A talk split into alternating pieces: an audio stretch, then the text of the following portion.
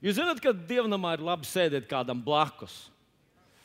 Un tur es skatos, uh, viens vīrs sēž viens pats, un uz 5 metrus uz abām pusēm viņam ir, ir brīvs. Jā, liels potenciāls tev tavs draugs uzaicināt un atvest nākošais reizes. Bet Jēzus vienmēr teica, kur divi vai trīs ir kopā. Nu, ir labi, ja tev rokas stiepienā attālumā kāds ir. Un tad pakustina viņu, saka, ir labi, ka mēs esam blakus. Jā, arī priekšā var kādam ieknēt, būt mazliet viņam, un pa pamasēt viņa pleciņus. Lai... Ļoti laba metode, ja tu redz, ka kāds miega ciet, pamasē viņa tos pleciņus. Un Anita mums vakar bija tāda, tāda sanākšana, Anita mums tur visādi, kā, kā sieru smērē un kā tur liek visu kaut ko virsū uz pleciņiem. Tas ļoti atmodina cilvēku. Un es ļoti ticu, ka šodien tev vajag būt nomodā, jo mēs šodien paturpināsim to domu, ko iesākām iepriekšējā svētdienā. Neierobežot domu, ne, neierobežot domu, uh, to vajag ierobežot. Domu vajag ierobežot, es tev teikšu. Jā, domas, kas klīst apkārt pa pasauli, neko labu neizdara. Viņu vajag virzīt kādā virzienā. Bet neierobežot dievu ir tās virsraksts Un mēs to paņēmām no 78. psalma. 78. psalmā dažādos tulkojumos tur ir lietot dažādi vārdi. Apšaubīja, aizvainoja, apbēdināja, sāpināja. Bet man ļoti patika King James lietotais vārds - ierobežoja dievu. Un tie visi citi vārdi, protams, nozīmē tieši to pašu. Jo ko tad ticība atraisa dievu, vai ne? Šaubas ierobežo. Atcerieties, ja es atnācu savā dzimtenes pilsētā, un tur bija tik daudz cilvēku, puikas un meiteņu, vīru un sievu, kuriem vajadzēja jēzus kalpošanu. Bet viņš nevarēja neko darīt, tāpēc, ka viņi neticēja viņam. Viņi vienkārši skatījās, un tā tādas pašas divas kājas kā mums, tādas pašas divas rokas, galva. Viņa seja nestaroja, kā par mūzu. Viņi bija lasījuši, ka viņa seja spīdēja tā, ka viņi nevarēja skatīties viņa vaigā. Jēzum nekas tāds nebija. Viņš bija iespējams sasvīdis tajā karstajā Palestīnas saulē, varbūt nogurs mazliet, viņa kājas bija noputējušas. Nu, tā tālāk viņi nesaskatīja viņā neko īpašu un neticēja viņam. Un līdz ar to ierobežoja viņu. Un es šodien gribu apgalvot tādu ļoti drosmīgu apgalvojumu, izteikt, ka mēs visi ierobežojam Dievu. Tikai daži ierobežo viņu ļoti un daži ierobežo mazāk. Un tie, kas ierobežo viņu mazāk, viņu dzīvē mēs redzam dieva darbus, mēs redzam dieva brīnumus. Mēs redzam, ka viņa dzīve pavadīja kā kaut kā tāda pārdabīga dimensija. Un kādreiz par to cilvēku mēs sakām, viņam veicās, viņam izdevās. Nu, Līga nu pat nolasīja stāstu, kur mēs visi droši vien adresētu. Tas no pasaku sērijas, vai ne? Bērnu nama vadītāja eņģelis, un viņš atrada fotografiju, un tā, un vēl visas nianses. Beig, beigās viņai patīk kati. Viņai, mammai, patīk kati. Jā. Nu, bet zinat ko? Un ir noteikti cilvēki, kas tā noklausījās to nobeigumu, ka viņai patīk izplēst savus baltos lielos spārnus. Nu, mēs zinām, ka eņģeļiem nav spārni.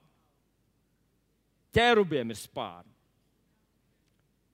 Nu, nu, nu pastrīdēsimies, cik, cik eņģeļus jūs esat redzējuši. Nu, labi, tas, tas nav mūsu šī, šī, šī rīta tēma, bet ir cilvēki, kas šodien šeit sēdē un teica, jā, tāds emocionāls stāstījums no pasaku sērijas. Bet noteikti ir cilvēki šeit, vismaz daži. Un es esmu viens no tiem, Pirmais, kas man gribējās, es jau iečukstēju līgai, tas tāds Ziemassvētku stāstījums. Un tad es pieķēru sev, es domāju, tas nozīmē, ka tu uzskati, ka tas nevar notikt. Tā notikt nevar. Vai ne? Bet zinat ko? Bībele mums visu laiku māca, ka notikt tā var. Ir tikai jābūt atbilstošam cilvēkam, un viņa dzīvē tā var notikt. Un šodien es gribu runāt un pamudināt tevi, lai tu uztaisītu tādu nelielu inventarizāciju savai dzīvei. Tam, kā tu attiecies pret pasauli, kā tu redzi šo pasauli, Vai tu to redzi pēc Mērfija likumiem? Pasaulē darbojās uh, civil likums, krimināla kodeks, satiksmes noteikumi un Mērfija likumi. Ja man no rokām izkrīt sviestmaize, tad kā viņi nokritīs zemē? Ar sviestu uz leju. Tā tas vienmēr notiek. Un kaut kāda bērnu nama direktora ar baltiem spārniem nav iespējama. Parasti bērnam direktori ir. Nu, jūs zināt, ka ar melniem spārniem. Paldies, Armāns. Armāns man palaboja ar melniem spārniem. Nu, lūk, ja tu esi viens no tiem redzētājiem ar melniem spārniem, tev jāmainās. Un, un lūdzu, lūdzu, neierobežo Dievu. Es gandrīz gribētu teikt, ka Dievs šodien tev saka, lūdzu, sadarbojies ar mani. Nekļūsti par ierobežojošu faktoru man, priekš manis tavā dzīvē. Un rakstvietiņa, kas izsaka to galveno domu, viņa no Zalamana pamācībām, 18. nodaļā, 21. pāns. Zalamana pamācības, 18. nodaļa, 21. pāns. Nāve un dzīvība stāv mēlis varā. Un kas mīl savus mēlis māku, tas baudīs no tās augļiem.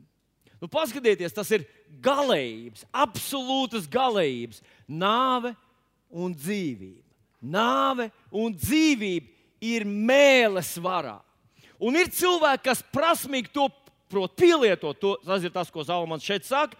Un ir cilvēki, kas to galīgi neprot. Bet visi viņi ēd to, ko ir sastrādājuši vai sagādājuši ar savu mēli. Šo pašu domu turpina arī uh, tālāk. Un, Un tas ir uzrakstīts Jēkabas vēstulē, 3. nodaļā, 4. un 5. pāns. Jēkabs uh, 3. nodaļā viņš runā, un es palasīšu vairākus vairāks, uh, pantus, sākot ar, ar 4. pantu. Paklausieties! Lūk, arī laivas, lai gan tās ir tik lielas, acīm redzot, domāt, ir kuģi. Skarbi vēji tās mētā, jos, un skarbi vēji tās mētā jo sīka stūra tās vada, kurp tiecas vadītājs. Tāpat arī mēlē ir mazs loceklis un veic lielas lietas. Redzi, kāda maza uguns iededzina kādu lielu mežu. Te ir vairākas, vairākas tādas līdzības vai alegorijas. Nu, vispirms, mēs visi zinām, ka tad, kad tu sēdi laivā, ka tas nedarbojas, ka rasts stūra un laiva uzreiz griežas. Parasti ir kaut kāda inerce, un tā laiva griežas diezgan lēni. Jo lielāka laiva, jo lēnāk viņa griežas, viņai vajadzīgs vairāk laika. Un tas ir tas, ko viņš saka, ka nevienmēr mēs uzreiz to redzam, ka mūsu mēlī tiešām ietekmē, virza mūsu dzīvi. Bet tas ir līdzīgi kā ar kuģi, ka tas tā notiek. Tas tā notiek ilglaicīgi. Paskatoties ilglaicīgi, ar mums notiek tas, ko esam runājuši. Tas tie vārdi piepildās mūsu dzīvēm. Nu, vēl es turpinu mazliet tālāk, turpat Jēkab, Jēkab vēstulē. Ar viņu mēs slavējam to kungu un tēvu, ar viņu mēs lādam cilvēkus pēc dieva līdzības radītus. No tās pašas mutes iziet svētība un lāsts. Tam, mani brāļi, tā nebūs notikt vai arī avots izverd no vienas mutes saldu un rūktu. Vai mani brāļi vīģes koks var nest eļļas koka un vīna koka, un vīna koks vīģes. Tāpat arī sāļš avots nevar dot saldu ūdeni. Viņš vēl aizvien runā par muti, par mūsu mutes produkciju, par vārdiem, kurus mēs izrunājam. Nu, un, uh, nobeidzot šo īsto ievadiņu, es gribētu atgādināt jums pirmā mūzes grāmatā, pirmajā nodaļā, 22. pantā, ir uzrakstīts tāds mazs pantiņš, kuram mēs nepievēršam uzmanību. Bet te ir rakstīts, ka Dievs radīja visādus dzīvniekus, un tad 22. pantā ir rakstīts tā, un Dievs svētīja tos.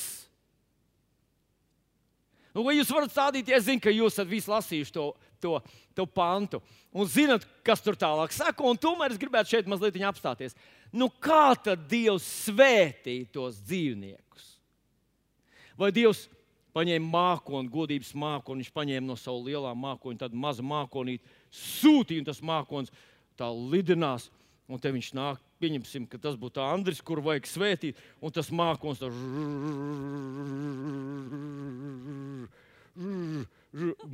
pum, uzkrīt viņa.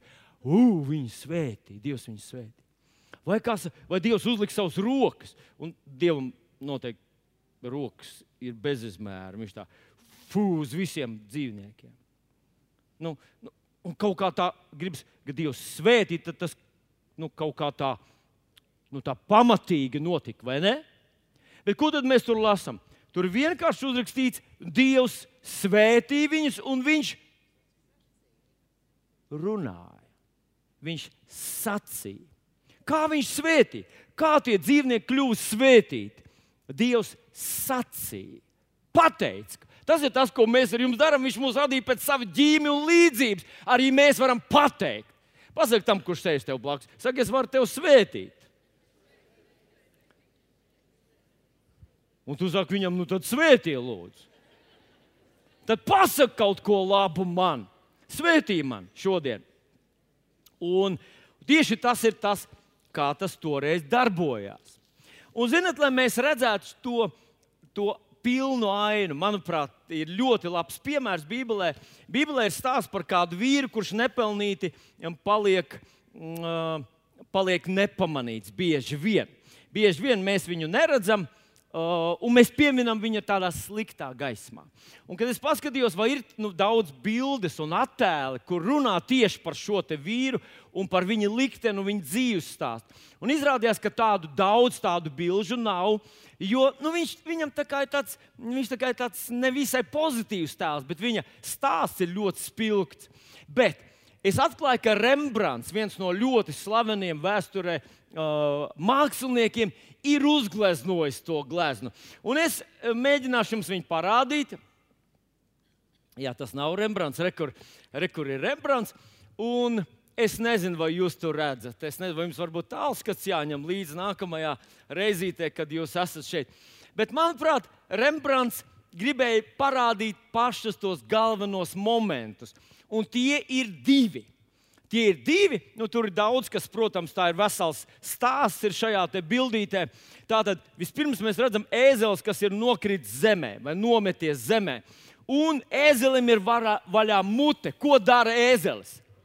Runā. Tas ir vienīgais Bībelē, ne, uh, uh, jā, vienīgais Bībelē runājošais ēzelis. Vai ne? Redziet, tu atkal teiksi, tas ir Ziemassvētku stāstīns. Vai var ēzelis runāt? Bībele saka, ka var. Bībele saka, ka var. Tu saki, ah, es šaubos. Nu, uh, Rembrandts nešaubījās. Viņš uzzīmēja ēzeli, kurš runā, un tad viņš uzzīmēja viņam uh, mugurā sēž vīrs, kura vārds ir, kurš zina, kā viņu sauc. Kā viņu sauc? Brunis, kurš teica Brunis? Biljāms. Viņu sauca Biljāms.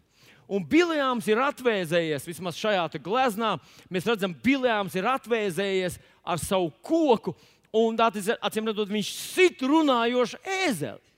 Nu, es zinu, klusējošu ēzeli vēl varētu sist, bet runājošu ēzeli, kurš sit runājošam ēzelim?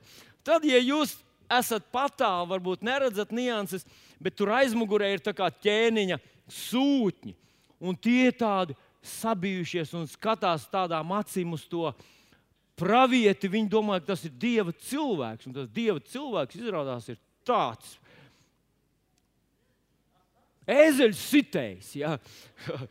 Mūsu rajonā, kādreiz, kurā es uzaugu, vienam vīram piedēvēja kaķu sitēju nosaukumu. Un aiz muguras visu viņu sauc par kaķu sitēju, jo viņš vienā, eh, vienā gadījumā tur arī tā rīkojās. Tā tas viņam palika. Es nezinu, vai vēl aizvien iet uz bērniem un saka, mēs iesim pie kaķa sitēji uh, uz bērniem. Es nezinu. Bet tā tas toreiz notika. Un šie vīri ir izbrīnī, izbrīnījušies. Viņi skatās uz to biljām, dievu vīru, kurš slāna savu ēzeli. Un tas ēzelis, nezinu, vai viņi dzird vai nē, bet ēzelis runā. Un tad tur tālākais muguras ir, ir eņģelis ar zobenu. Nu, lūk, uh, īsumā es to stāstu izstāstīju, tā ir bija īsā versija, un tagad būs garā versija. Un es ļoti uh, uzmundrinu tevi, lai tu atversi savu bībelīti vaļā 4. mūzes grāmatā.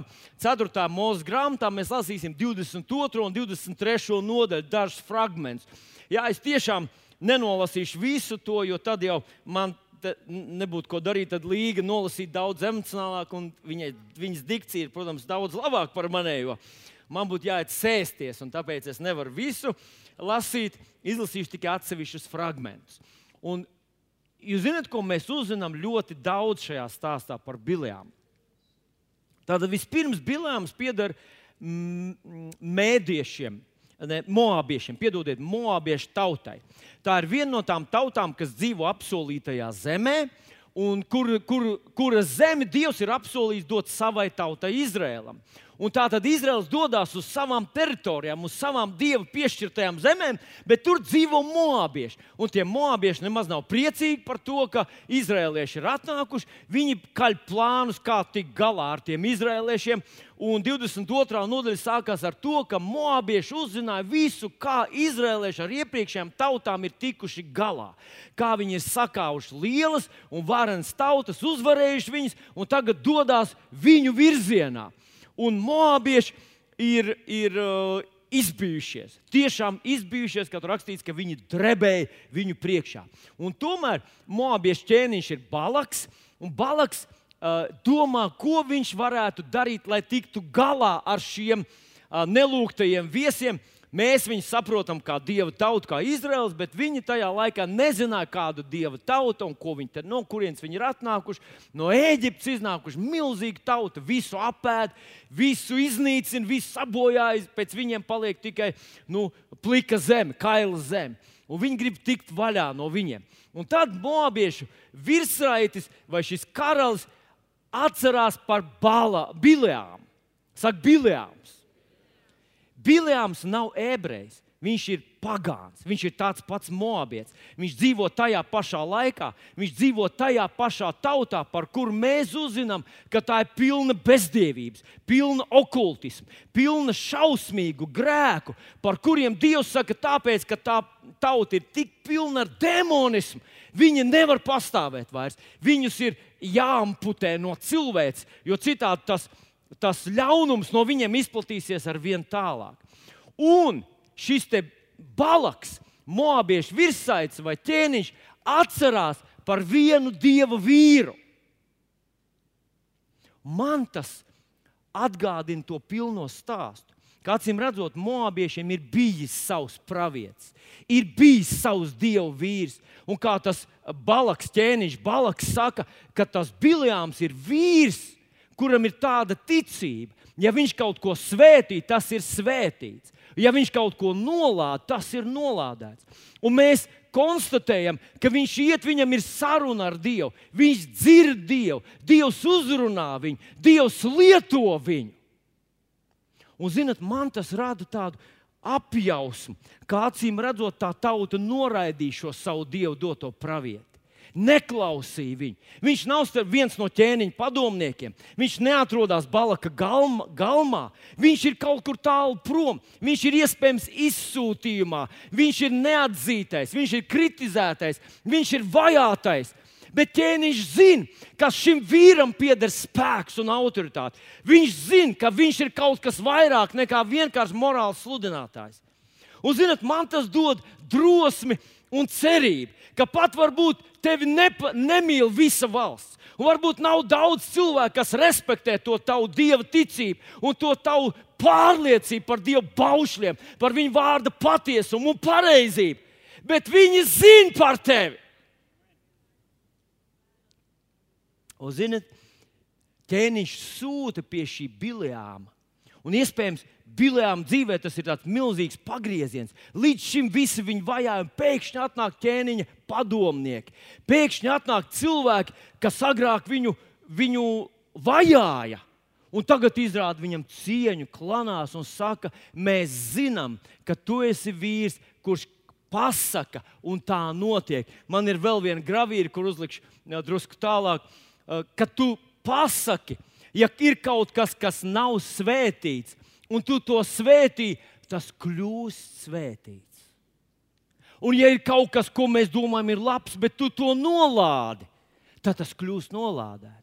Un mēs vēlāk uzzinām no tā stāsta, ka Biljāms nebija vīrs, kurš vienkārši staigā apkārt pa valsti un nolādēja un svētīja, ko gribēja. Viņš nolādēja to, ko Dievs teica, lai nolādētu, un viņš svētīja to, ko Dievs teica, lai viņš svēt. Viņš paklausīja, viņš dzīvoja paklausībā Dievam. Pagānu valstī, valstī, tautā, kura bija totāli izvirtus, totāli pazudus. Tur vēl aizvien bija kāds taisnības sludinātājs, kas savā laikā Noā bija tajā paudzē, kas visu aizgāja bojā ūdens plūdos. Un tev, tas nozīmē, ka mums ar tevi ir mūsu vieta. Mums ir jādara tas, kam dēļ mēs esam. Un mēs tiksim, esam sadzirdēti. Kaut arī varbūt cilvēki mūs neatbalsta un neizrāda savu, savu pieņemšanu, ka viņi mūs pieņem cienu un piekrīt mums. Nu, lūk, tā tad, ko tad dara Biljāms? Viņš jautā Dievam, kad pie viņa atnāk šie vēstneši un saka, atnāc un nolādi to tautu ķēniņam. Un, un tad ķēniņš tev bagātīgi atalgos, viņš tev iedos titulu un varbūt kaut kādas atlaides no nodokļiem, un viņš tev apbērs ar, ar bagātībām. Un ko Biljāms saka? Biljāms kā labs dieva pravietis. Viņš saka, pagaidiet šeit. Viņš uzņēma viņu savā mājā, un tad viņš gāja un runāja ar Dievu. Viņš teica, Dievs, tie vīri ir atnākuši pie manis, lai es izdaru to, ko Balaks grib, lai es nolādu viņa ienaidnieks, lai viņš tiek ar viņiem galā. Jo es zinu, un tagad paklausieties. Kad šie ķēniņa sūtņi pie viņa atnāk un saka viņam, tu esi vīrs, kad tu kaut ko svētī, tas ir svētīts, un kad tu nolādē, tas ir nolādēts. Padomājiet, kāds vārds impērijas vadītājs saka vienam ticīgam cilvēkam, ka tu kaut ko svētī, tas ir svētīts. Viņš nesaka tā, kā iespējams mēs kādreiz būtu teikuši, vai es, vai es cenšos kaut ko svētīt, es tā īsti neredzu nekādas lielas pārmaiņas. Biljāmā tā nav. Viņš zina, kad viņš svētī, tad ir svētīts. Tas ir tas pats, kas no Mateja evanģēlija 18. nodaļas, kur rakstīts, ka tu atraisi, tad debesis tev atbalsta. Tad tas ir atraisīts. Un ja tu saist kaut ko, viņam bija tāda ticība. Bilēmam bija tāda ticība, ka viņš kaut ko svētīja, ka tas tiešām bija svētīts. Un viņš apzinājās, ka viņam tāda ir. Viņš jautāja Dievam, Dievs viņam saka, nē! Šī ir laba vieta, kur mācīties. Šis stāsts ir labs, laba vieta, kur mācīties. Ja Dievs vienreiz pateica nē, neuzdod viņam vēlreiz jautājumus. Pa viņš jau pateica, nē, Dievs nemaina savu viedokli. Ja viņš par kaut ko savā vārdā, Bībelī te uzrakstīts, ka grēka sekas ir nāve, jūs zināt, kas ir nāve? Kurš zina, kas ir nāve? Tas nav kaut kas, ko mēs gribam mazliet, vai ne? Mēs negribam, nu, labi, visā organismā, lai man ir dzīvība, bet kreisā, labā kājā, lai man ir nāve. Vajag taču kaut kādu iņu un jaņu principu. Es esmu viss dzīvīgs līdz pusē, bet le, zemāk, lai ir, ir, ir, ir kurš tur jaņš vai iņš. Es negribu nekādu, nevienu, ne, es negribu to, to nāvi, es negribu. Vai tu gribi nāvi? Nē. Ja viņš teica, ka grēka nopelns ir nāve, tad mēs sakām, kungs, es negribu tās indas zāles. Es negribu nāvi, es negribu nāvi, es negribu nāvi. Viņa jau tāpat tik ļoti daudz šajā pasaulē ir. Ja Dievs vienreiz pateica, nē, tā ir atbilde. Viņš to nemainīs. Arī 21. gadsimtā, ja Dievs par kaut ko pateica, ka tas ir slikti, tas ir slikti. Halo! Halleluja! Iebiks tam, kurš sēž tev blakus. Pasaka, ka mm, nav, nav jāprasa, Dievs nemaina savu viedokli. Halo!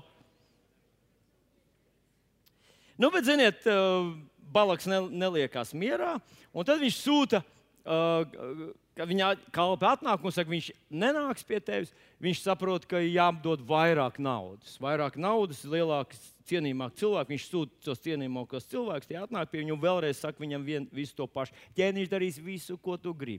Tikai pasaki, ko tu vēlies. Tikai pasaki, kādu mašīnu, tikai pasaki, kur tu gribi vasarnīs, tikai pasaki, kur tu gribi atpūsties, tikai pasaki, kādu titulu tu gribi, kādu amatu tu gribi. Ķēniņš visu izdarīs. Vai jūs saprotat, cik tas bija grūti Biljāmu? Ko? Tas bija konkrēti, konkrēti. Tas bija nopietni. Ķēniņš visu izdarīs. Visai tavai ģimenei. Paklausies, Laiki ir mainījušies. Tagad tu būsi valsts uh, viens no kultūras ministriem. Ievies savu kristietību, kā tu gribi, kuros līmeņos, kurš teātris turpmāk būs kristīgs. Tikai pasaki, atnāc un nolādi man tos tur. Un, un, viss, un tu varēsi palīdzēt man saimniekot šajā valstī. Viss mainīsies. Un Biljāns saka, nu, palieciet, es iešu vēlreiz runāt ar Dievu. Un viņš iet vēlreiz pie Dieva prasa viņam otrais, kur viņš jau zināja dievu atbildību, viņš prasa otrais. Un Dievs viņam saka, zini ko? Ja tu tā gribi iet, nu tad ej. Paklausieties, draugi. Tā ir vispār tāda ļoti kutelīga situācija. Ja tu pirmoreiz pajautāji Dievam, Dievs teica, nē, Un otrreiz viņam atkal, un trešo reizi, un ceturto reizi tu stāst, cik tas ir svarīgi, kā tagad tas viss piepildīsies, viss tavs sapņi, un kā tu jūties, un kā tu tagad saproti, un tā tālāk. Un Dievs tev saka, nu tad labi, ņem to. Es tavā vietā to nedarītu. nē, nē, tas, tas nav gudri. Jā. Kaut kas, es šur tur redzu, ka ka Dāvids kādā, kādā gadījumā arī līdzīgi pierunāja Dievu. Mūzus kaut kur panāca kaut kādas savas lietas, bet tās neatnes svētību pēc tam. Tu to tik ļoti gribi, nu labi, tu to vari dabūt. Bet vai tu priecāsies tad, kad tu to būsi dabūjis, vai tas tev svētīs? Nu, lūk, bet Bilēms saņēma atbildi, viņš dodas. Viņš dodas ceļā. Un Rembrandts, jūs neievērojat iepriekšējā bildītē, viņš ir attēlojis Biljāmu tādās drēbēs, kā tā ķēniņa. Uh, ķēniņi, tie pavadoņi, tie pavalsnieki, ministri un, un grāfi un, un, un, un, un baroni. Viņi nav tik smalki apģērbušies kā Biljāms.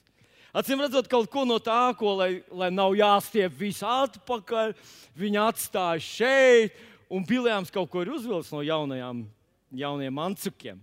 Viņš ir saģērbies tā, it kā viņš dotos nu, uz inaugurācijas procesi. Nevis vienkārši tur aiziet un, un aizlūgt par kaut ko. Viņš dodas. Un ziniet, kas notiek ceļā? Ceļā eņģelis nostājās ar zobenu. Eņģelis nostājas ar zobenu pravieša ceļā. Un es esmu paņēmis te zobenu. Jā, gribu, lai tu stādies priekšā.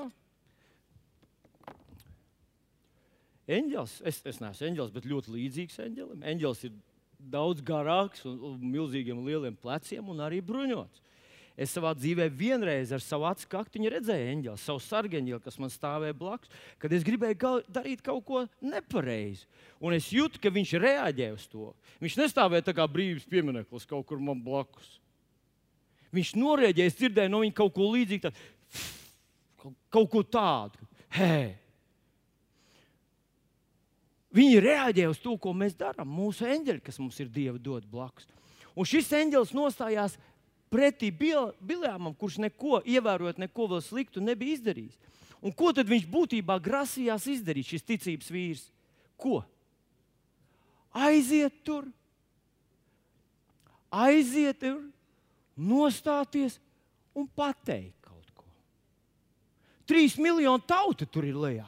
Viņš stāvēs kalnu galā, viņu neviens nedzirdēs. Viņš neieklieks mūzum sejā, viņš nepateiks visiem tiem vecajiem, viņš nesāks kaut kā dumpt tur. Viņš kaut kur no tālienes, viņu neviens neredzēs, ne, nedzirdēs un neierakstīs vēstures anālēs, ka viņš tur kaut ko pateicis. Bet Dievs nolika ceļā eņģeli ar zobenu.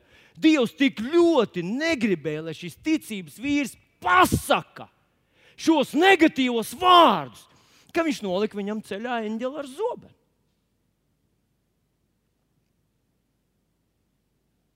Tagad paklausieties, uh, ebreju vēstulīte ir uzrakstīts, ka vecajā darbā tas, kas ir uzrakstīts, ir uzrakstīts priekš mums, par brīdinājumu mums.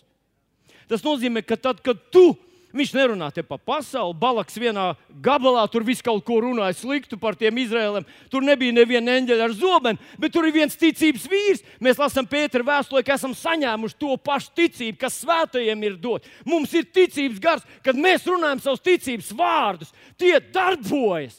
Mēs esam līdzīgi kā biljāms, kad tu svētī kaut ko, kas nav svētīts, tas ir svētīts. Un kad tu nolādi kaut ko, kas nebija nolādēts, viņš kļūst nolādēts. Jēkabs uh, raksta, jūs svētiet un lādat. Un paklausieties, es gribu, lai tu padomā par sevi. Tad, kad tu grasies iet un kādam pateikt kaut ko sliktu, vai tu vari atcerēties, ka tur ir eņģelis, kas stāv tavā ceļā ar zobenu? Tev nav ezeļmāts, tāpēc tu neredzi. tu neredzi to eņģeli, bet viņš ir. Un viņš saka, nedari to. Un interesanti, ka Biljāms nebija cilvēks, kurš vienkārši redzēja, ka ir nolādēts, pateicis, tas ir nolādēts.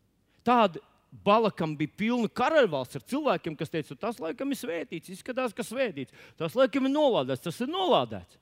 Viņš bija cilvēks, kurš, ja kaut kas nebija svētīts, viņš to svētīja. Citiem vārdiem, viņš ietekmē procesu, viņš izmainīja lietas.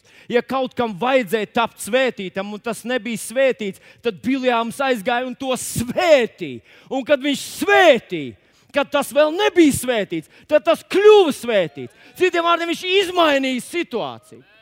Un es esmu pārliecināts, ka, ja eņģelis stāvēja pretī viņam, lai viņš nenolādētu, Tad tāpat eņģēlis viņu uzmudināja, nu, ej, nu, taču, nu, taču ej, svētīt, taču vienreiz. Nu, pasak svētības vārdu. Tagad vajag svētīt. Okay. Un zināt, kas ir, kas ir mana pārliecība? Ka Dievs īstenībā nemaz to biljām negribēja nogalināt. Zināt, mēs kaut kur Bībelē lasām, ka viens eņģēlis vienas nakts laikā nodargāja kaut kādus 170 tūkstošus. Vienā naktī, pšim, un tad mēs lasām, ka vienā naktī visi Eģiptes pirmdzimtie, no cilvēka līdz lopiem, visi patīro, baloži pirmdzimtie, mērkaķi pirmdzimtie, kaķi pirmdzimtie, suņu, lopu, lielo, mazo, visu līdz pat faraonam. Vienā naktī viens eņģēlis to izdarīja. Esmu pārliecināts, ja Dievs tiešām būtu gribējis Biljām tur nogalināt, viņš to būtu nogalinājis, un ēzeļa māte pat nebūtu paspējusi savu, izteikt savu jā. Dzim, un viņš būtu nokritis tur, un viss, viss būtu beidzies. Bet īstenībā Dievs sūtīja šo savu eņģeli un lika to ēzeļmātē redzēt. Un ziniet, kas vēl man, man, man fascinē, tas, ka Biljāms bija tā pieredze pie tām pārdabīgām lietām. Tad, kad ēzeļmāte viņam saka, ko tu man sit, viņš viņai skaidro, nu, tu taču neklausi man. Bet tad es vienmēr tā esmu darījusi? Es jau cik gadus jau tev kalpoju uzcītīgi. Ēzeļmāte runā. Tas ir kā tavs suns. Tu viņam iedod zupu. Viņš saka, kāpēc tu man dod vakardienas skābo zupu, ēd pati. Un tu saki, jā, bet nu, nu kam to lai citam dod, mums jau sivēna nav. Tā vietā, lai tu. Ezelmāte runā mūsu akcentā, u, cilvēku valodā. Viņš vienkārši runāja, strīdās ar to ezelmāti.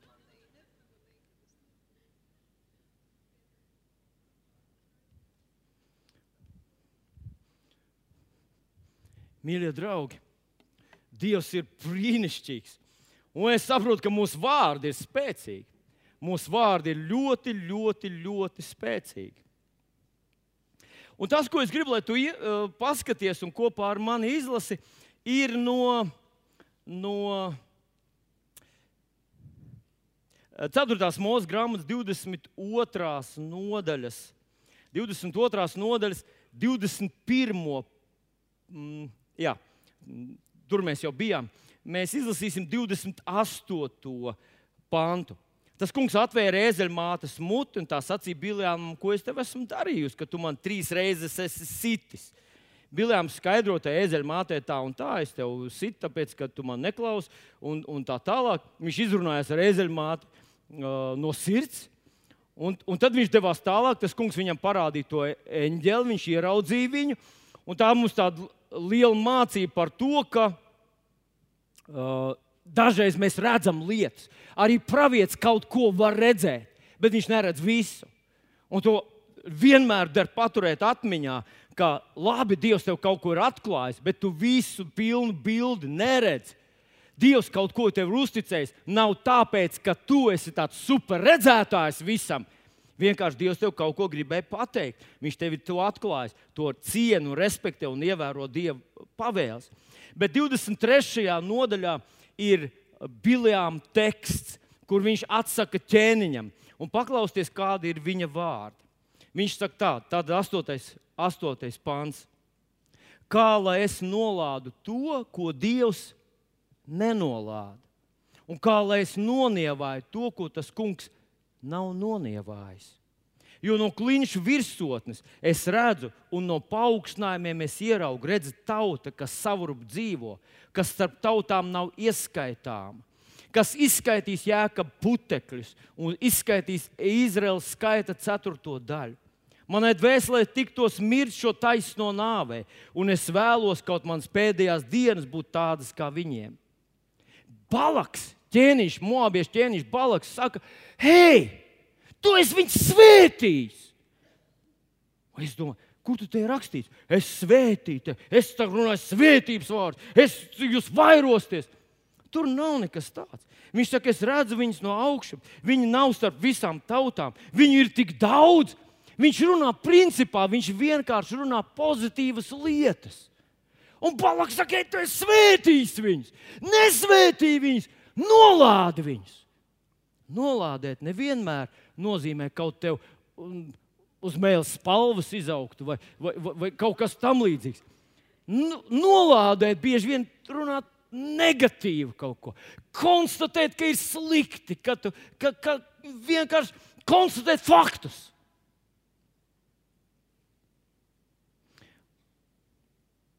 Un man īpaši uzrunā 23. nodaļas teksts, kur Biljāms saka, no 18. panta.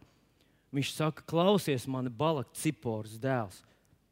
Dievs nav cilvēks, kam melotu, ne cilvēka bērns, ka viņam kaut kas būtu jānožēlo, ka viņš ko teiktu un nedarītu, ka viņš ko sacītu un tā nekļūtu īstenība. Jo redzi, man ir pavēlēts svētīt. Dievs gribēja izmantot bilēm tur, lai viņš vēlreiz svētītu lai viņš svētītu. Tas kaut ko Dievs bija svētījis, Jā, Izraēlā, bet uh, 12. mūža 12. nodaļā Dievs teica, Abrahamam, kas tevi svētī, tas būs svētīts. Es tevi svētīšu, un tie, kas tevi svētī, viņi būs svētīti. Mēs pavērojam svētību, svētīdam to, kas jau ir svētīts. Un Dievam, Dievs to gribēja. Viņš lika svētīt viņu. Paklausieties vēl. Man ir pavēlēts svētīt, un viņš, viņš ir svētījis, un viņš ir svētījis.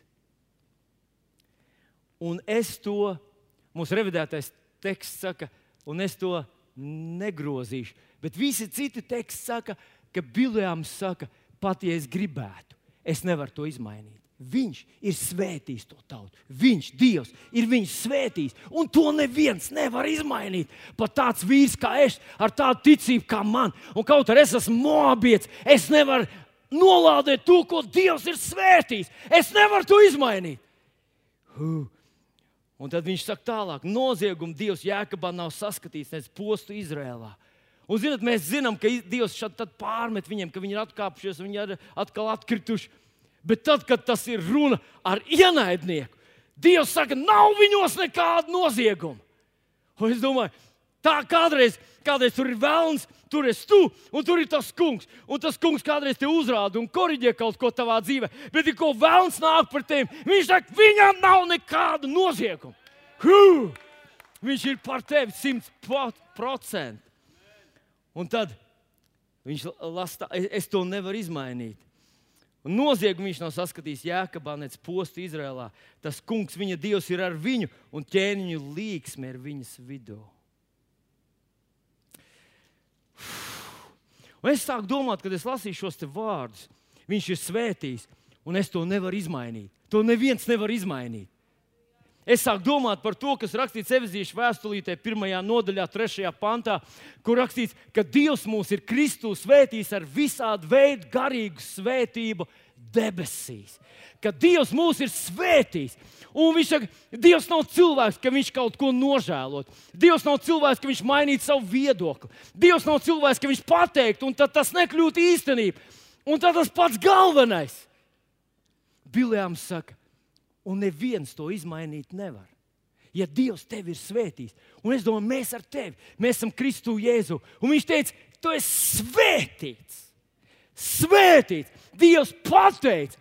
Varbūt viņš neuzlika tev savu roku, varbūt tu neredzēji, kā mākslinieks pār tevi nolaižas. Varbūt, varbūt, nezinu, varbūt tu nesaņēmi kādu īpašu pravietojumu no kāda garīgas autoritātes, kur tu ļoti cieni.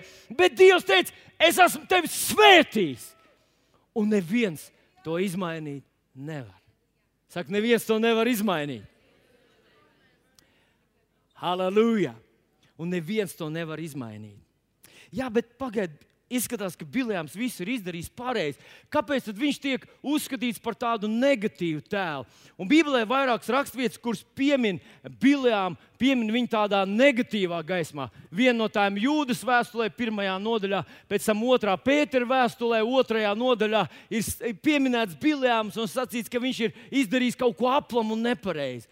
Bet atklāsmes grāmatā, 2. nodaļā, 14. pantā ir pateikts, ko tad Biljāms izdarīja nepareizi. Un es jums apmēram pārstāstīšu saviem vārdiem.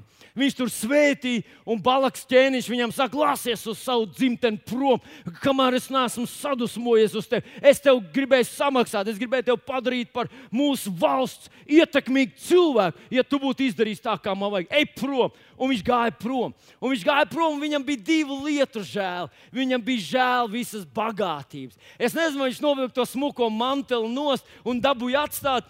Es nezinu, varbūt tas viņam atstāja, bet teica, ka nu, nu, nu tā. Ziniet, viņš zināja, viņš nav patīkams. Visi visā valstī uzzināja.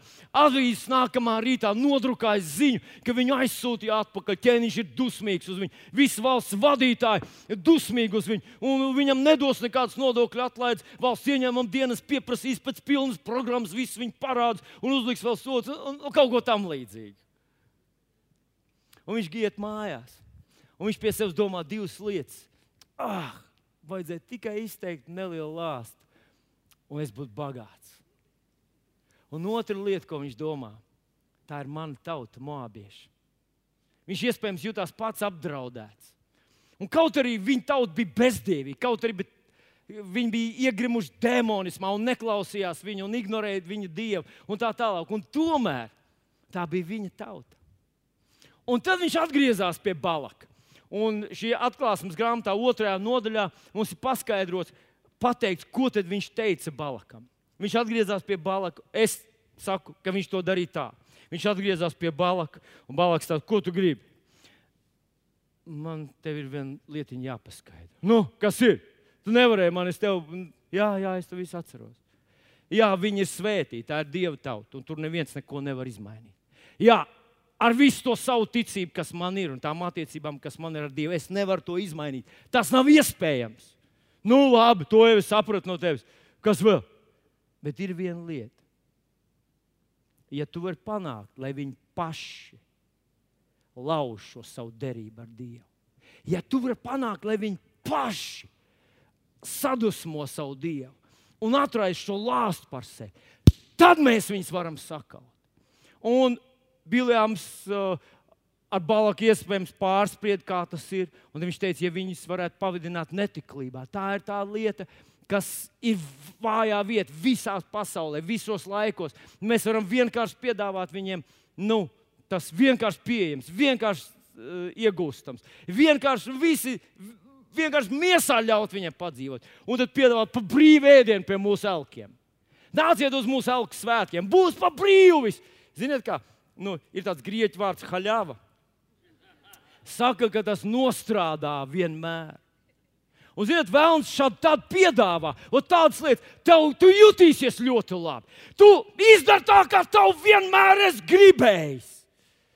Un tu tā klusiņā pie sevis domā, ja es esmu svētīts, ja, ja tu svētītais pats lauž šo derību ar Dievu, ja tu pats atver savā dzīvē durvis lāstam un nesvētībai un uh, nāvei, tad Dievs, Dievs ir ierobežots. Ierobežots Dievs. Tu zini, viņš būtu gribējis Izraelu aizvest līdz savai zemē pa 15 dienām. Tas prasīja 40 gadus. Viņš gribēja aizvest visus, bet dabūja aizvest tikai pusi. Kāpēc? Cilvēki ierobežoja. Bībelē konkrēti pateikts, viņi runāja. Ziniet, kādreiz Dievs vienam vīram aizvēra mutu ciet. Viņš...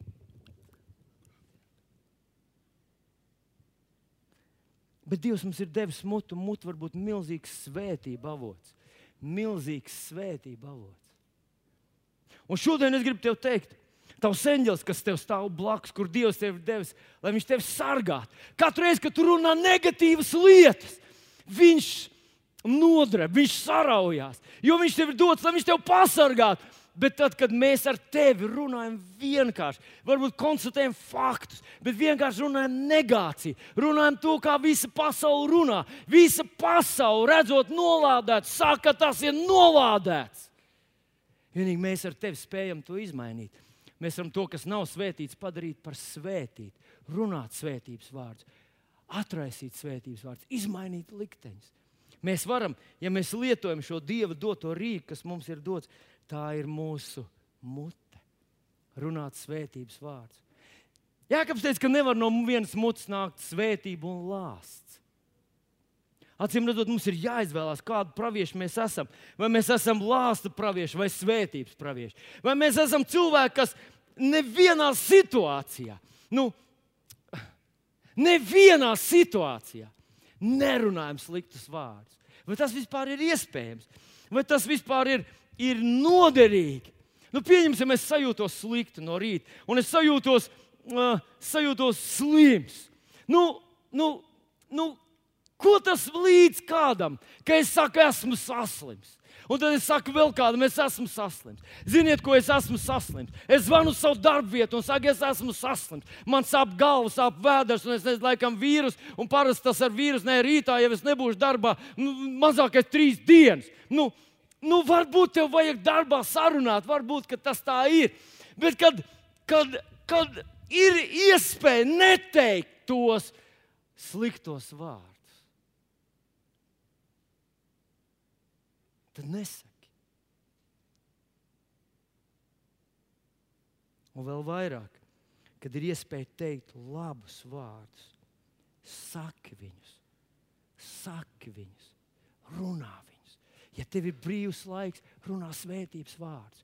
Runā svētības vārdus par sevi, ka tu esi svētīts. Tu esi Dieva īpaši svētīts. To nekas nevar visā pasaulē izmainīt. To pateica Dievs, tas kungs. Viņš Kristu ir tevi svētījis ar visādi veidu garīgu svētību debesīs. Tu esi svētīts savā darbvietā, tu esi svētīts savā mācību vietā, tu esi svētīts savā ģimenē, tu esi svētīts savā attiecībās. Tavs bērns ir svētīts, tavs kaķis ir svētīts, tavs divi kaķi ir svētīti, tavs suns ir svētīts. Svētīts, svētīts, svētīts svētīts. Tu esi kā Biljams, tu esi kā Dieva vīrs, kurš kad svētī, tad ir svētīts. Un varbūt, ka tu uzreiz nejūti pārmaiņas, bet pavisam droši notiek divas lietas. Tu esi pagriezis savu stūri pareizā virzienā. Tu esi pagriezis savas dzīves stūri pareizā virzienā. Kad tu sāc runāt svētības vārdus, kad tu Un te ir rakstvietiņa, kur otrā korintiešu vēstulīte apstults Pāvils lieto.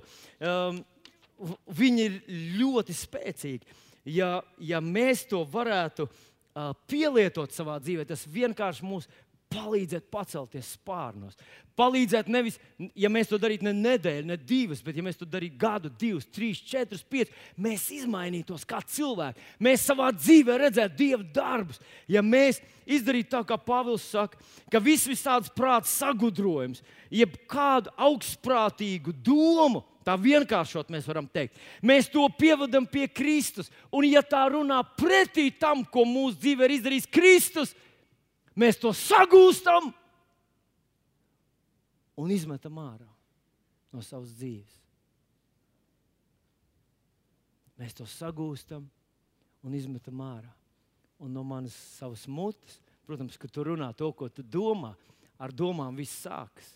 Un te viņš runā tieši par domām ka tavs domas ir negatīvas, ka tavs domas ir negatīvas nākotnes izteiksmē, ka tavs domas prognozē, ka tavs domas raugās nākotnē un tev mēģina rast tādus, runāt tādus, tādus uh, pieticīgus izdzīvošanas līmeņa, tādus sakāves līmeņa vārdus un teikumus un prognozes.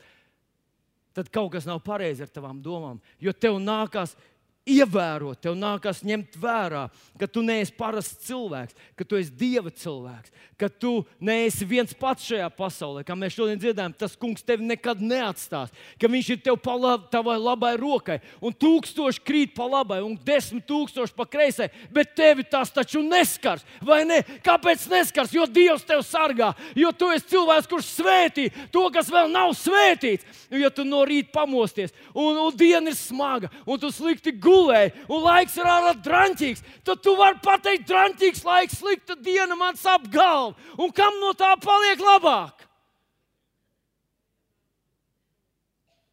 Ziniet, man liekas, tie sliktie vārdi, viņi tā kā pilnīgi prasās, lai viņas vēlreiz atkārto. Un kad tu pasaki kaut ko, pilnīgi nonāk tāds svaidījums. Un tas, Un tad jūs paskaties apkārt pa logu un sakat, Latvija ir slikta, viss te no ceļa te ir slikti. Man patīk, vien, vien, vienā dievkalpojumā līga šeit uznāca augšā. Viņi teica, ziniet, ko mēs dzīvojam Zviedrijā vienu gadu, un tad mums tā apnika tie labie ceļi.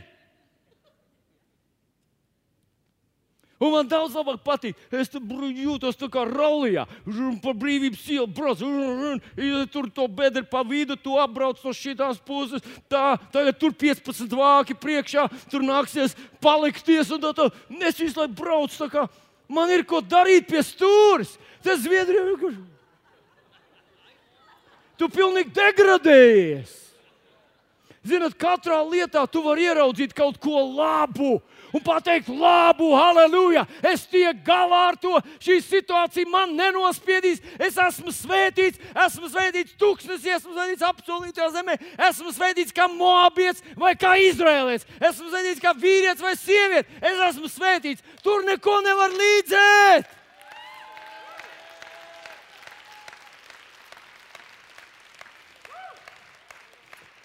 Un Salmans saka, nāve un dzīvība. Un tur, tur, tev tik tu, nāve un dzīvība. Labi, tu nerunā nāves vārds vairs, ja? Nerunā vairs, tu nelādies vairs. Malacis! Vai ar to pietiek? Es domāju, Dievs radīja visu, brīv, visu to skaisto dabu. Ēdenā, kur nebija nekāda nu, ienaidnieka, kur viss bija ideāli. Un ko viņš darīja? Viņš nesamierinājās. Viņš vēl svētīja viņus. Jūs padomājat, tur tāpat jau bija harmonija, tur bija viss ideāli. Viņš vēl svētīja viņus. Pats Dievs! Dievs ir maksimālists. Ja viņš tev ir kaut kur pacēlis, tad tas nav tur, kur viņš tev gribēja. Viņš grib vēl pacelt. Viņš vienkārši saka, hei, neierobežo man, neierobežo, sadarbojies ar maniem. Svētī, svētī, pasak kaut ko labu, svētī. Bija tāds laiks, kad kristiešu vidē bija modē. Par mācītāju neko labi. Jā, cilvēks viņš ir. Skaidrs, ka cilvēks. Svētī to cilvēku. Pat ja viņš būtu eņģēlis, Dievs teikt, nu, nu taču, es devu tev pilnīgi gan, ko tu dari? Svētī viņu par draugu. Bija tās laiks, kad tā. Jā, ah, es pārpratu. Jā, svētī, pasaki kaut ko labu. Par savu dzīves draugu pasaki kaut ko labu. Ne tikai vienreiz gadā uz dzimšanas dienu. O, sieviņa, es gribēju te pateikt, kas šodien bija dzimšanas diena vai laulības jubileja. Nu, vienalga. Jā, es esmu ļoti priecīgs. Par ko tu esi priecīgs? Nu, jā, ka mēs jau tik gadus esam kopā. Cik gadus mēs esam kopā? Vairāk nekā es varu izskaidrot. Pasaka kaut ko labu savai sievai, cik viņa skaista ir kādas viņai skaistas rokas, kādas viņai skaistas acis. Kā tev patīk viņa Salamans saka, ej, iepriecini pie savas sievas krūtīm, iepriecini sevi. Pasaki viņai skaists krūtis, saka, Dievs, ko es pateicu, nu pat draudzē, to nedrīkst teikt. Vai to drīkst pateikt? Svētī! Tas daudz labāk nekā saka, vai dieniņ kādi ir gadiem, viss ir tā, nu. Tikko tikko neko ļaunu tu nenovēlēji, bet tu nolādēji konkrēti, pareizi. Un kā būtu, ja mēs runātu par savu zemi labu? Ja mēs runājam par savu draugu labu, mēs runājam par savu darbu vietu, kāda tev tā arī nebūtu. Tu teiksi, priekšnieki, paldies jums par darbu. Es te strādāju, saņemu vienu eiro mēnesī. Esmu laimīgs, ka man ir darbs. Tas priekšnieks iet prom no tevis un domā, pats. Kaut ko es nesaprotu. Cik viņš saņem? Tas ir viens labs darbinieks. Kad tu sāc svētīt tās lietas, kuras nav svētītas, viņas kļūst svētītas. Mobieši to redzēja ar biljām. Kā būtu, ja mēs to sāktu praktizēt visu laiku, praktizēt brīnišķīgā Latvijā? Te ir tik daudz iespējas, vai ne? Vai ne? Vai ne? Mēs dzīvojam tādā mazā sakņu dārziņā. Mēs te varētu mēs varētu izravēt viņu katru nedēļu. Mēs zinām visus zagļus, pēc nu, vārds, uzvārds un dzimšanas datums. Mēs, mēs varētu viņus svētīt, mēs varam par viņiem lūgt. Tas nav tā kā Krievijā, kur dzīvo Habārovskā un tu tikai pa televizoru vienreiz, vienreiz mūžā redzi kādu tur. Mēs te visus pazīstam. Mēs varam staigāt apkārt kā biljām šeit un, un svētīt visas lietas un svētīt savu zemi. Jo Latvija jau esam mēs ar tevi. Mēs ar tevi esam tie, kas vai nu vairo postu, vai vairo svētību. Un zināt, ko, ja kristieši ir tādi pieticīgi, nav brīnums ka nedicīgi atmostās un sāk teikt, Latvija ir laba vieta. Mūsu pilsētiņa mazā, mums ir 3000 iedzīvotāji, no tiem 90% ir sirmgalvi. Mums ir 15 bērni mūsu bērngārzā un 5 skolnieki mūsu skolā, bet pilsētiņa ir brīnišķīga. Vai tas nav jauki to dzirdēt? Svētī! Kaut Dievs mums palīdzētu ieraudzīt to, ka mums aiz, ka mums aiz muguras stāv eņģelis ar zobenu un saka, svētī. Svētī savas finanses. Tu tā vietā var atvērt maku jāpietaupās svētī. Jā. Skaties uz savu mašīnu, un kad tev kāds pasakā kādu komplimentu, es nezinu, tas, es nezinu, no kurienes man tas iekšā bija. Bet, kad es dzirdēju to no viena cita puiša, kuram bija tīra laba mašīna, kāds viņam kaut ko pateica, viņš kaut ko sāka vervelēt, ka tur esot izrūsējis un kaut kas tur vēl. Es domāju, pats gribējās iespēju. Lāga mašīna svētīja viņu. Nu. Svētī viņu, svētī visu, kas tev ir, kas tev par rokai. Es pravietis, kurš svētī Jēzus vārdā. Jo, jo Dievam gribas darboties. Piecelsimies kājās. Mūsu debes Tēvs, mēs šodien stāvam Tavā priekšā. Un mēs Tev no visas sirds pateicamies, ka Tu esi devis mums šo brīnišķīgo dāvanu, kā ticību. Un kad mēs ticībā runājam vārdus, kad mēs runājam vārdus saskaņā ar, ar Tavu pavēlu, saskaņā ar, ar, ar Kristus glābšanas nodomu, tad mēs atraisam svētību. Un mēs šodien pateicamies par savu brīnišķīgo draugu. Mēs pateicamies par saviem kalpotājiem šeit, kungs, kas mums ir brīnišķīgi. Cilvēki, brīnišķīgi cilvēki, halleluja! Mēs pateicamies, ka mēs kā draugi esam brīnišķīgi, jo Tu esi mūsu radījis, Tu esi mūsu izglābis, Tu piedevi mūsu grēkus, Tu esi mūs aicinājis savā kalpošanā. Mēs esam šeit, lai reprezentētu Tavu draugu, kas ir pilnība, kas visu un visur piepilda. Un mēs zinām, mēs augsim nākotnē, mēs ietekmēsim savu zemi ar svētību un mēs ietekmēsim savu pilsētu ar svētību, savus ielas ar svētību, savus um, valdību ar svētību. Mēs pateicamies Tev, Kungs. Paldies, Tev, ka mēs varam mācīties no šī biljām stāsta, Kungs. Paldies, Tev, debes Tēvs! Jēzus vārdā. Tu esi brīnišķīgs, tavs gars ir brīnišķīgs, mūsu ģimenes ir brīnišķīgs. Dievs, mūsu ģimenes ir brīnišķīgs. Mans dzīves draugs ir brīnišķīgs. Mans dzīves draugs ir brīnišķīgs. Man bērni ir brīnišķīgi. Man ir draugs locekļi brīnišķīgi. Dievs, man ir tā paveicies ar draugu. Par ko man tas viss, kungs? Es tev pateicos, Dievs. Es pateicos tev. Manas dienas ir brīnišķīgas, mans ķermenis ir brīnišķīgs, man veselība uzlabojas. Dievs, tu ar vienu esi ar mani, tu ar vienu man palīdzi, ar vienu man vedi un vadi. Halleluja! Paldies, Tev, debes Tēvs! Tad pateiksim no Iesai 58. 11. pantu. Un tas kungs man vienmēr vada pasaka. Un ēdina man dvēseli arī tukšās vietās. Un stiprina manas locekļus. Dievs stiprina manus locekļus.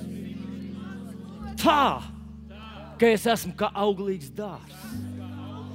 Vingrs un elastīgs, vesels un atjaunojošs. Viss manī kūsā, Dieva enerģija manī kūsā, jo Dievs tas kungs dzīvo manī, jo Viņš no sava gara ir ielējis manī. Tas pats gars, kas uzmodināja Jēzu no miroņiem un izrāva viņu no nāves valsts un nosēdināja pie Dieva labās rokas. Tas pats gars dzīvo manī, dzīvo manī, un es no tā neatteikšos. Es to nenoniecināšu, es to neierobežošu, jo Dievs man palīdz. Halleluja! Tā ka es esmu kā auglīgs dārsts un kā ūdens avots, kurā ūdens nekad nepietrūkst. Halleluja! Paldies, Tev, debes Tēvs! Es godinu Tev šajā rītā. Pateicos Tev par Tavu vārdu atklāsmu. Kungs, mēs gribam atraisīt Tevi. Jēzus vārdā. Halleluja! Paldies, Tev, debes Tēvs! Paldies, kad mirklīt es Dievu priekšā. Paldies, Tev, Kungs! Halleluja. Lebrachate kilum borosheteki. Kilum progete lachade kilum borogadeki. Yela garachande kilum progadi. Shile progete lachade kilum progadi. Kile pragade. Lade. Kad mirklīt uzliek sev rociņus uz, uz, uz krūtīm, aizlūdz par sevi. Halleluja! Debes Tēvs, mēs Tev pateicamies par Tavu žēlastību. Mēs pateicamies par šo rītu. Dievs, Dievs, mēs redzam sev priekšā atmodu. Mēs redzam, kā tūkstošiem latviešu un krievu un visā tautību cilvēku atrod glābšanu mieru Kristu Jēzu. Mēs redzam, kā draudzē aug. Mēs redzam, kā mēs kļūstam par desmit tūkstošu draugu Dievs, lai tevi pagodinātu un svētītu savu zemi. Paldies, Tev, debes Tēvs! Paldies Tev par kalpotājiem, paldies Tev par jauniešiem, pusauģiem, paldies Tev par zelta fondu. Paldies Tev, Dievs, ka mēs varam šajā 21. gadsimtā atraisīt Tevi, Dievs, un sadarboties ar Tevi, Taviem darbiem. Jēzus vārdā. Paldies Tev, Kungs! Godinam Tevi no visas, visas savas sirds. Jēzus vārdā. Un viss draudz sacīja. Amém.